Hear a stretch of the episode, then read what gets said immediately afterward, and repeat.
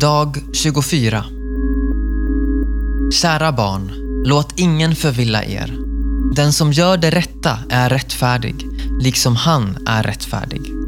Den som ägnar sig åt synd är av djävulen, för djävulen har syndat ända från begynnelsen. Men Guds son har uppenbarats för att göra slut på djävulens gärningar. Första Johannesbrevet kapitel 3, vers 7 och 8. Dag 24. Två syften med julen. När första Johannesbrevet 3, vers 8 säger att Guds son har uppenbarats för att göra slut på djävulens gärningar. Vilka är då de djävulens gärningar som han tänker på? Svaret framgår tydligt av sammanhanget. För det första är första Johannesbrevet 3, vers 5 en tydlig parallell. Ni vet att han har uppenbarats för att ta bort synderna. Uttrycket har uppenbarats för att förekommer i vers 5 och i vers 8. Så förmodligen är synderna de djävulens gärningar som Jesus kom för att göra slut på. Den första delen av vers 8 gör detta så gott som säkert. Den som ägnar sig åt synd är av djävulen, för djävulen har syndat ända från begynnelsen. Ämnet i detta sammanhang är synd. Inte sjukdom eller trasiga bilar eller trassliga scheman.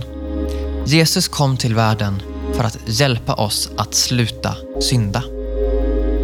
Vi ser det ännu tydligare om vi lägger det bredvid sanningen i första Johannesbrevet 2, vers 1. Mina barn, detta skriver jag till er för att ni inte ska synda. Detta är ett av de stora syftena med julen. Ett av de stora syftena med att Gud blev människa. Men Johannes lägger till ännu ett syfte i första Johannesbrevet 2, vers 2.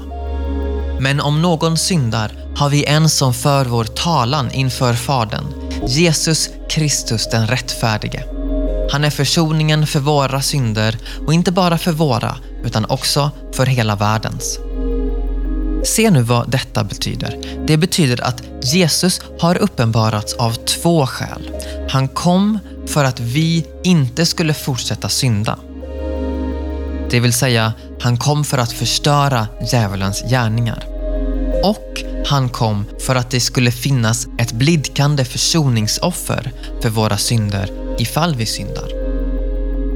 Han kom för att vara ett ställföreträdande offer som tar bort Guds vrede över våra synder. Det andra syftet om intet gör inte det första syftet.